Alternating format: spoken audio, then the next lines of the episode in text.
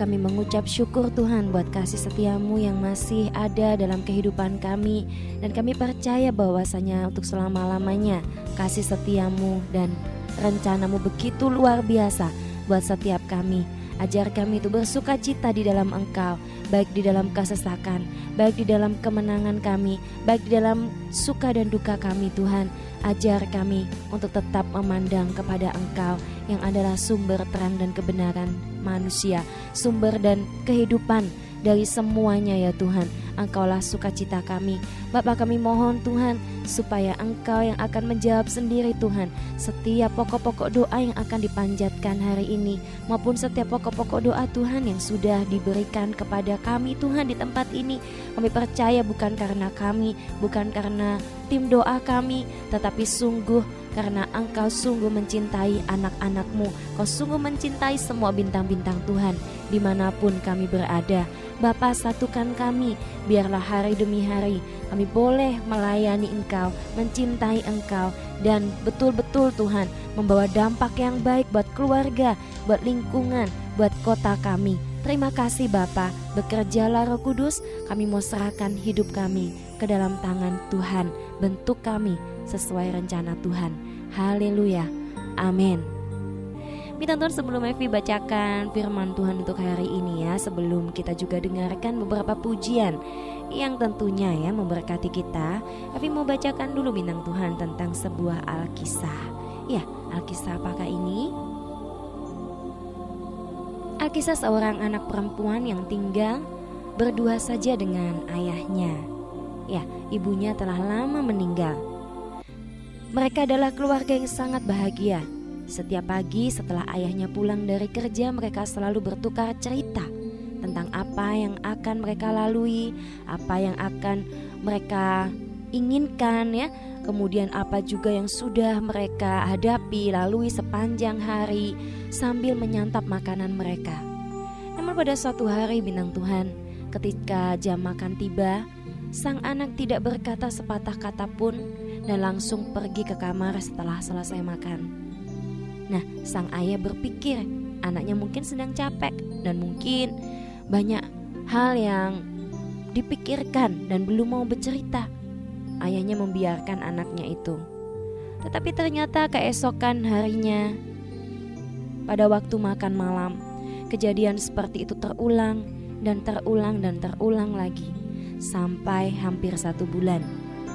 Bersamaan dengan hari ulang tahun ayahnya, sang gadis memberikan sebuah kado sweater kepada ayahnya.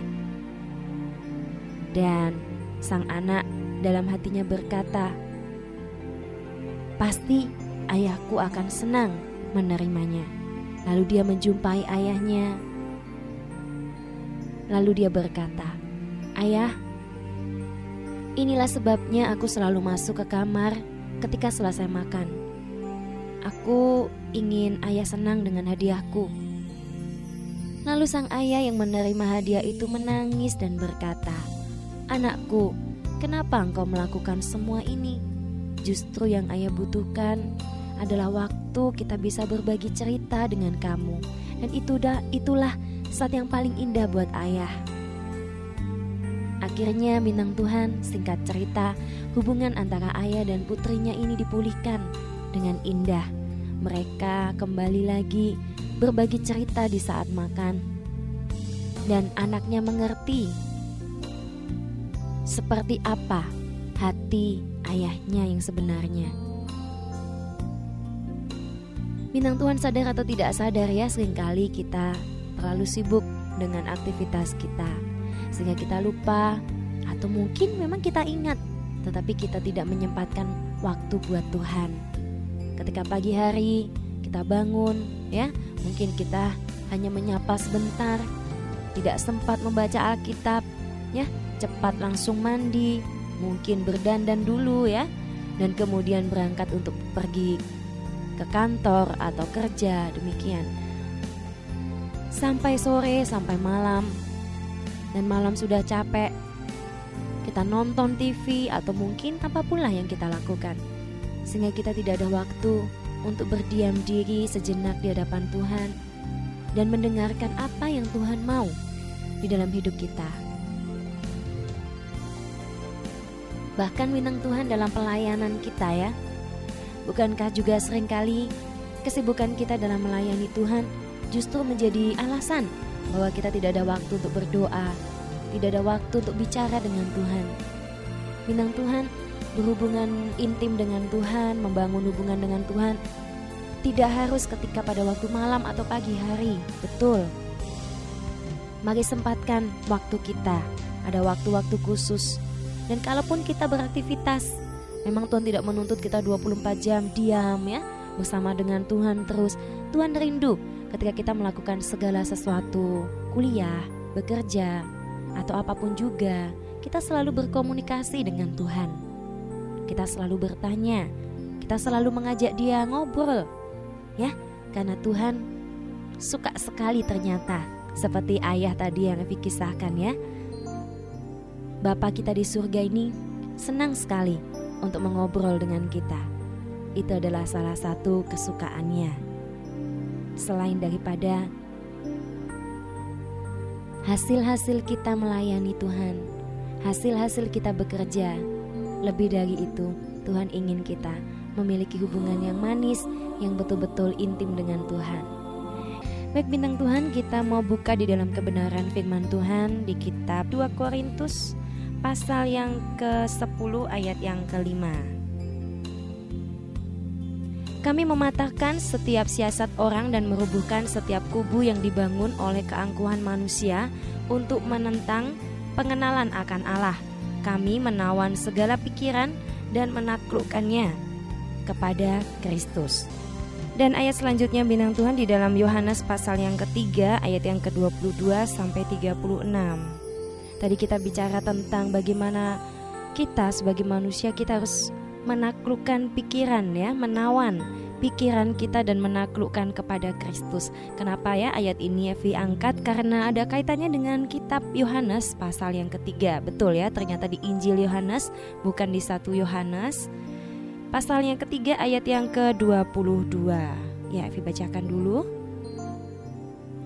Sesudah itu Yesus pergi dengan murid-muridnya ke tanah Yudea dan ia diam di sana bersama-sama dengan mereka dan membaptis.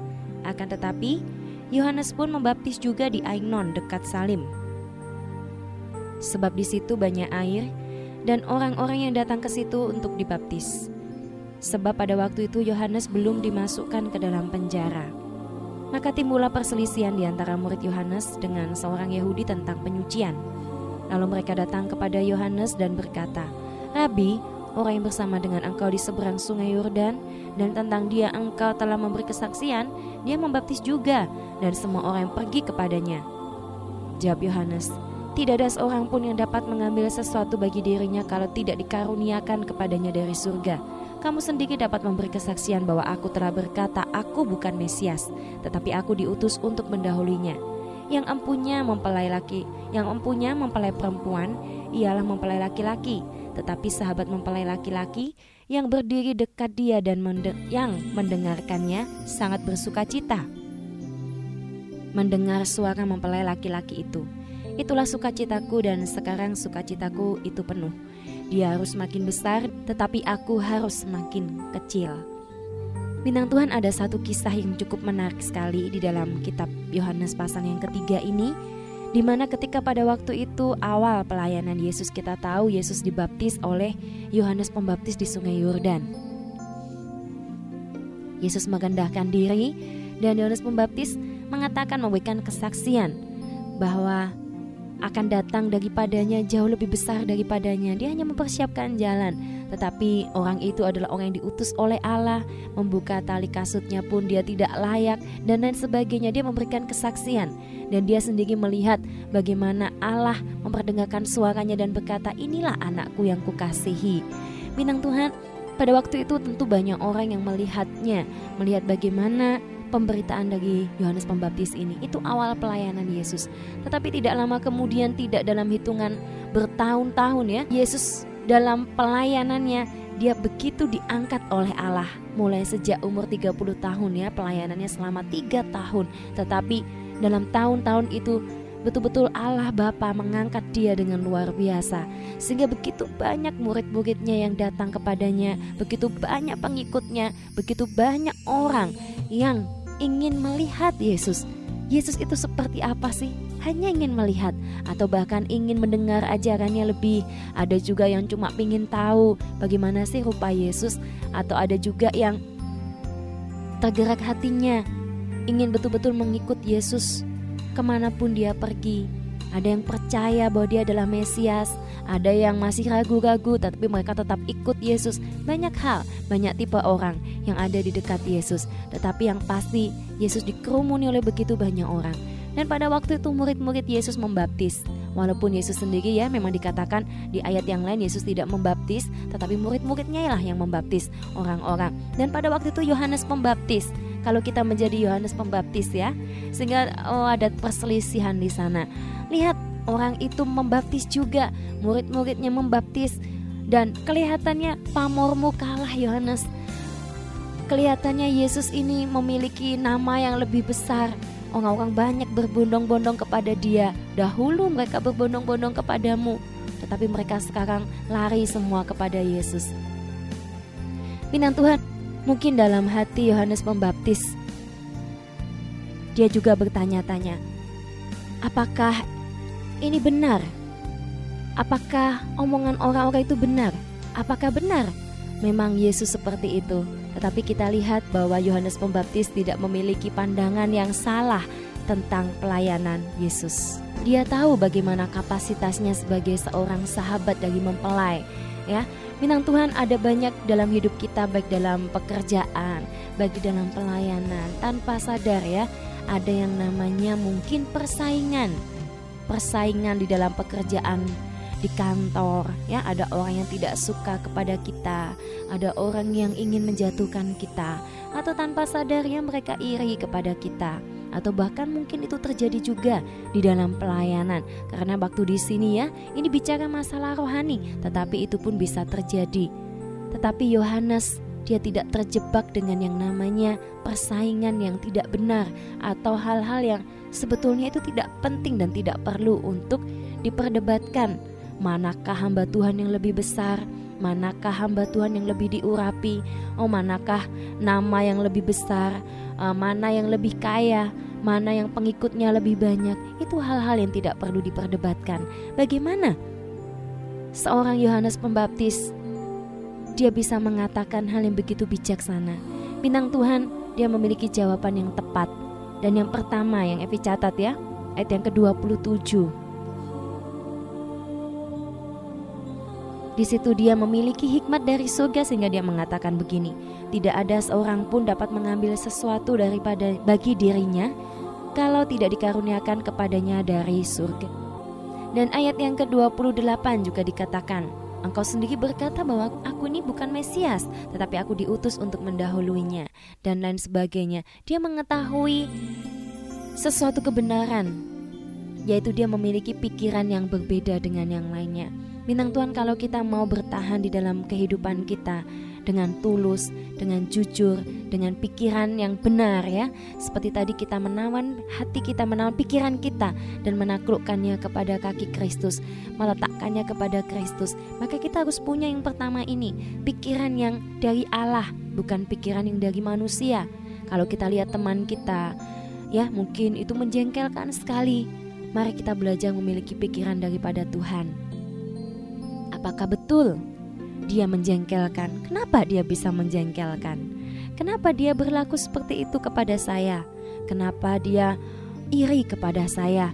Kenapa orang-orang mengatakan demikian? Kita tidak langsung terpancing dengan emosi ya, tetapi kita lihat Tuhan, apa yang menjadi pikiranku yang salah ini Tuhan, benarkan.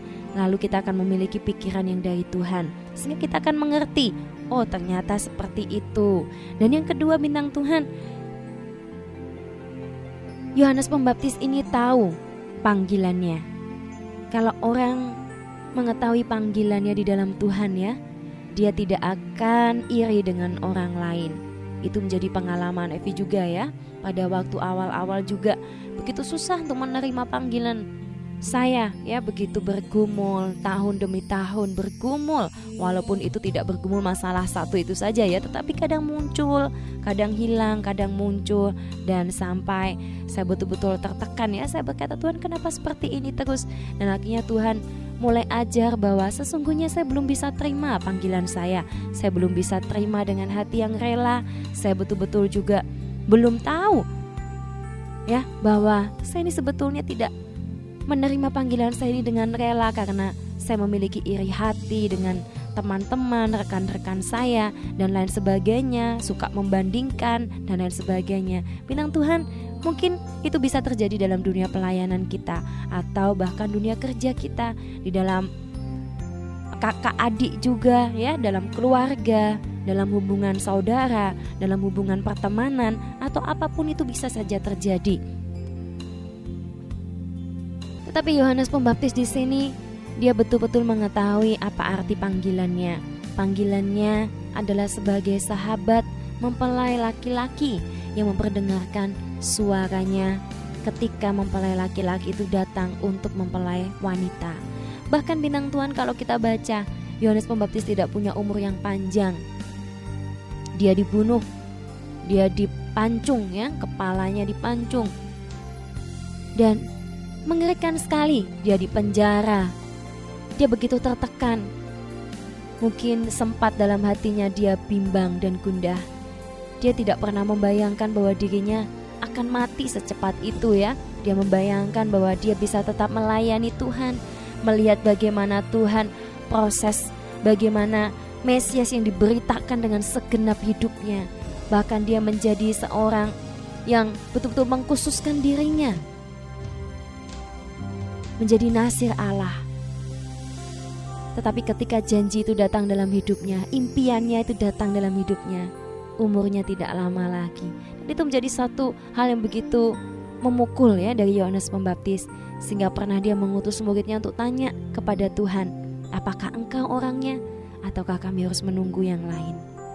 Sempat dia bimbang karena dia merasa begitu banyak tekanan dalam hidupnya dia sudah melakukan yang terbaik, tetapi kenapa dia dimasukkan dalam penjara? Dia tidak bisa melihat Yesus, dia tidak bisa melihat karya Yesus dituntaskan dalam bumi ini. Dia ingin melihatnya, tetapi dia tahu panggilannya. Panggilannya bukan sebagai murid Yesus yang menemani dia sampai dia mati dan bangkit. Panggilannya adalah untuk menyiapkan jalan bagi Allah untuk datang pertama kalinya dalam dunia sebagai manusia. Ini satu panggilan yang luar biasa, panggilan untuk menyiapkan jalan bagi raja. Dan Yohanes tahu panggilannya. Oleh karena itu bintang Tuhan, yang pertama kita harus memiliki pikiran dari Allah. Kemudian yang kedua, kita harus tahu bahwa apa arti panggilan kita masing-masing. Seperti di dalam 2 Petrus Evi juga bacakan buat bintang Tuhan 2 Petrus pasal yang pertama ayat yang ke-10 Mengatakan demikian Karena itu saudara-saudaraku berusaha sungguh-sungguh supaya panggilan dan pilihanmu semakin teguh Sebab jikalau kamu melakukannya, kamu tidak akan pernah tersandung. Ayat ini begitu merema sekali di hati saya bintang Tuhan bahwa kalau kita berusaha sungguh-sungguh, untuk apa sih? Untuk panggilan dan pilihan kita di dalam Tuhan semakin teguh ada orang yang tidak berusaha sungguh-sungguh mengenal panggilannya. Ada orang yang tidak sungguh-sungguh mengenal dan mengerti bahwa dia sudah dipilih oleh Tuhan. Orang yang percaya kepada Yesus Kristus sebagai Tuhan dan Juru Selamat, ini adalah orang yang memang sudah dipilih untuk percaya. Dan dia nggak mengerti.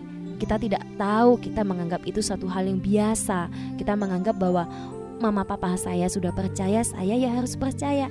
Bukan karena iman dan pengharapan kita yang sejati di dalam Tuhan bukan karena iman yang sejati kita kepada Tuhan kita percaya. Oleh karena itu kita akan mudah tersandung. Betul bintang Tuhan, ada kerikil kecil kita tersandung jatuh. Apalagi batu yang besar, ya. Kita harus memilih antara Tuhan dan pasangan. Kita pilih, oh ya sudah, saya pilih pasangan saja. Kita disuruh pilih antara pekerjaan dan Tuhan, kita pilih, saya pilih pekerjaan, kita kan sangat mudah sekali untuk tersandung kalau kita tidak mengetahui dan tidak betul-betul berusaha sungguh-sungguh. Di situ dikatakan ada kata-kata kerja yaitu berusaha sungguh-sungguh. Bintang Tuhan dalam hidup ini segala sesuatu kalau kita ingin mencapai sesuatu tidak ada yang bisa didapat dengan gratis dan seenaknya. Tidak ada. Tetapi segala sesuatu hasil yang terbaik harus didapat dengan usaha yang sungguh-sungguh. Dalam pekerjaan juga demikian. Kalau kita mau jadi pekerja yang baik, yang militan, yang solid, maka kita harus berusaha sungguh-sungguh, tetapi dalam koridor tidak mengesampingkan Tuhan tentunya. Dengan penyertaan Tuhan, kita bisa menjadi manajer, kita bisa menjadi pemimpin yang Tuhan urapi, yang rendah hati, yang betul-betul bisa memimpin perusahaan kita kepada Tuhan dan itulah yang Tuhan mau sebetulnya, ya. Tetapi banyak orang yang salah arah orang-orang yang tidak tahu panggilannya, akhirnya mereka salah jalan. Akhirnya mereka sangat mudah untuk tersandung. Tetapi Yohanes Pembaptis kita lihat dia tidak tersandung walaupun orang-orang memprovokator ya bahwa lihat Yesus seperti ini, engkau seperti ini. Orang-orang membandingkan dia, tetapi dia tidak terpancing, dia tidak tersandung karena dia tahu panggilannya. Yang ketiga bintang Tuhan, dia juga mengatakan bahwa biarlah dia yang semakin besar dan aku yang semakin kecil. Dia tahu bahwa yang sedang dibandingkan dengan dia itu adalah anak Allah yang hidup, Mesias yang hidup. Sehingga dia menyerahkan dirinya kepada tangan Allah. Dia mengatakan, aku semakin kecil tidak apa-apa. Aku tidak dikenal orang tidak apa-apa.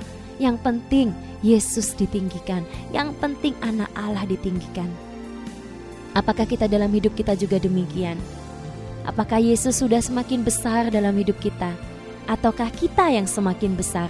Keinginan-keinginan kita semakin hari semakin hari menguasai kita. Kalau dulu kita bisa menahan diri, kita ingin beli apa kita beli, kita ingin melakukan apa kita lakukan, Dulu kita bisa menahan diri terhadap semua godaan duniawi. Lalu sekarang, apakah kita juga tetap bisa betul-betul tetap menjaga keinginan-keinginan kita untuk kita taklukkan kepada Tuhan bahwa Yesuslah yang terutama. Keinginan Yesuslah yang terutama, bukan keinginan saya. Cita-cita Yesus dalam hidup saya itulah yang terutama, bukan cita-cita saya. Bintang Tuhan kalau kita punya pikiran seperti ini, kita punya mental, kita punya sikap bahwa Yesuslah yang harus semakin besar asal Yesus ditinggikan. Walaupun saya direndahkan, walaupun saya harus menderita demi Tuhan, saya rela asal Dia yang semakin besar. Bintang Tuhan, apakah kita mau rela seperti itu? Rela untuk tidak dikenal, rela untuk tidak terkenal, rela untuk menderita, rela untuk sakit, rela untuk mengasihi, supaya Yesus yang semakin nyata, yang semakin besar di dalam hidup kita. Ada banyak orang berkata cinta itu pengorbanan. Kalau kita berkata saya mencintai Tuhan, bukankah kita juga harus berkorban buat Tuhan? Karena dia sudah berkorban begitu banyak. Seringkali ya ketika banyak keinginan-keinginan daging yang muncul dalam kehidupan Evi ya. Seringkali Evi menanamkan dalam pikiran Evi juga bahwa kenapa sih kamu tidak mau berkorban sedikit saja buat Tuhan. Dan saya tanamkan itu supaya saya harus mau tetap Yesuslah yang lebih besar, bukan saya. Minang Tuhan itu prinsip yang ketiga. Dan yang keempat adalah tahu otoritas masing-masing. Bukan sekedar tahu panggilan, tetapi dia tahu otoritas di dalam panggilan itu. Bintang Tuhan kita juga buka satu Korintus ya. Tapi bacakan buat bintang Tuhan di satu Korintus pasal yang pertama ayat yang ke-12. Ini juga terjadi bintang Tuhan ya. Di dalam Paulus kehidupan Paulus dalam pelayanannya. Yang aku maksudkan bahwa kamu masing-masing berkata aku dari golongan Paulus atau aku dari golongan Apolos atau aku dari golongan Kefas ya atau Petrus atau aku dari golongan Kristus? Adakah Kristus terbagi-bagi? Adakah Paulus disalibkan karena kamu? Ataukah adakah kamu dibaptis dalam nama Paulus? Bintang Tuhan, di situ Paulus menjelaskan ya bahwa terjadi perpecahan di jemaat Korintus itu mereka mengaku aku dari golongan ini, aku dari golongan ini dan itu menimbulkan keresahan, menimbulkan perpecahan. Minang Tuhan ini juga terjadi kembali di akhir zaman ini di mana kita mementingkan denominasi kita. Wah, aku dari gereja A, aku dari gereja B, aku dari gereja C dan itu yang begitu kita tonjolkan, itu yang begitu kita agungkan, itu menjadi satu kultus, menjadi satu yang sangat kita agungkan lebih dari Tuhan ya. Kita begitu bangganya dengan nama denominasi kita. Minang Tuhan nama denominasi akan hilang. Kita semua ini satu tubuh Kristus. Kita akan bersatu. Di akhir zaman ini Tuhan akan satukan kita semua menjadi satu pasukan Tuhan yang luar biasa. Oleh karena itu mari kita tanggalkan. Kalau pada zaman dahulu Pak Yohanes ya pernah terjadi satu dalam tanda kutip persaingan dengan Yesus. Tetapi Yohanes tidak terpancing. Demikian juga dengan kita sekarang. Jangan kita terpancing dengan yang namanya hal-hal yang tidak perlu sebetulnya. Bahkan ya dikatakan di 1 Korintus pasal yang ketiga ayat yang pertama sampai ayat yang kesembilan di sana dijelaskan bahwa apakah Paulus, apakah Apolos ya Aku menanam, Apolos menyiram, tetapi Allah yang memberikan pertumbuhan. Dan yang terpenting bukanlah yang menanam dan menyiram, tetapi Allah lah yang memberikan pertumbuhan. Bintang Tuhan, ini kalau kita mengerti prinsip-prinsip ini, kita akan bisa betul-betul dalam kehidupan kita, kita tidak usah lihat orang lain. Kita tidak usah lihat persaingan-persaingan yang ada. Bahkan dalam dunia kerohanian pun ya, banyak sekali terjadi hal-hal seperti itu dan itu mendukakan hati Tuhan. Ada yang mengatakan bahwa gerejaku yang terbaik, ada yang mengatakan bahwa komselku ini adalah komsel yang terbaik, ada yang mengatakan bahwa pendetaku adalah pendeta hamba Tuhan yang terbaik. Lalu kita mulai membanding-bandingkan hamba Tuhan satu dengan yang lain. Kita mulai menilai, kita mulai seperti juri ya yang menilai gereja A, gereja B, kelemahan, kelebihannya. Setiap gereja tidak ada yang sempurna, setiap domin, denominasi tidak ada yang sempurna, tetapi Kristuslah yang sempurna. Oleh karena itu bintang Tuhan, mari kita memegang prinsip-prinsip yang benar. Yang pertama, miliki pikiran Kristus. Yang kedua, tahu panggilan kita, maka kita tidak akan pernah tersandung. Yang ketiga, biarlah Yesus yang semakin besar dan kita yang semakin kecil. Dan yang keempat, kita harus tahu otoritas masing-masing. Paulus pun mengatakan bahwa dia tidak mendirikan jemaat di tempat di mana orang sudah betul-betul memilikinya. Artinya kita tidak ada yang namanya rebut-rebutan jemaat, rebut-rebutan domba. Semua domba milik Allah. Tinggal masalahnya dia atau kita atau siapa pun itu domba itu ditempatkan Tuhan di mana? Itu masalahnya bukan masalah rebut-rebutan ya. Tidak ada istilah seperti itu tetapi masalahnya bintang Tuhan bisa bertumbuh tempatnya di mana. Tetapi yang penting adalah Allah yang memberikan pertumbuhan. Bintang Tuhan tempatnya mungkin di gereja A karena di sana bintang Tuhan akan menggenapi panggilan Tuhan ya dan mungkin saya ditempatkan di gereja B karena di situlah saya bisa menggenapi panggilan Tuhan. Itu masalahnya, bukan masalah mana yang lebih baik, mana yang lebih uh, luar biasa, mana yang lebih kaya. Bintang Tuhan itu tidak menjamin apa-apa. Mana yang lebih banyak jemaatnya, mana yang lebih banyak pemudanya, mana yang lebih banyak cewek cantiknya. Aduh ya, nanti malah tidak karu-karuan kalau seperti itu. Baik bintang Tuhan, semoga bintang Tuhan boleh mengerti ya kebenaran firman Tuhan ini. Dan mari kita berdoa terlebih dahulu untuk kebenaran firman Tuhan.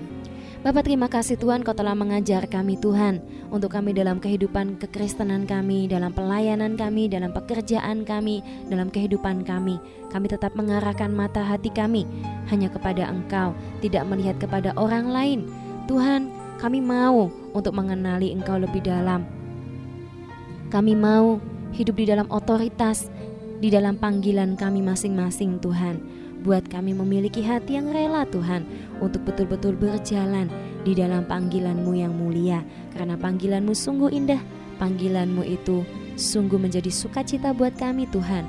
Walau pada awalnya mungkin bintang Tuhan merasakan itu begitu berat, merasakan itu begitu sakit dalam hidupnya.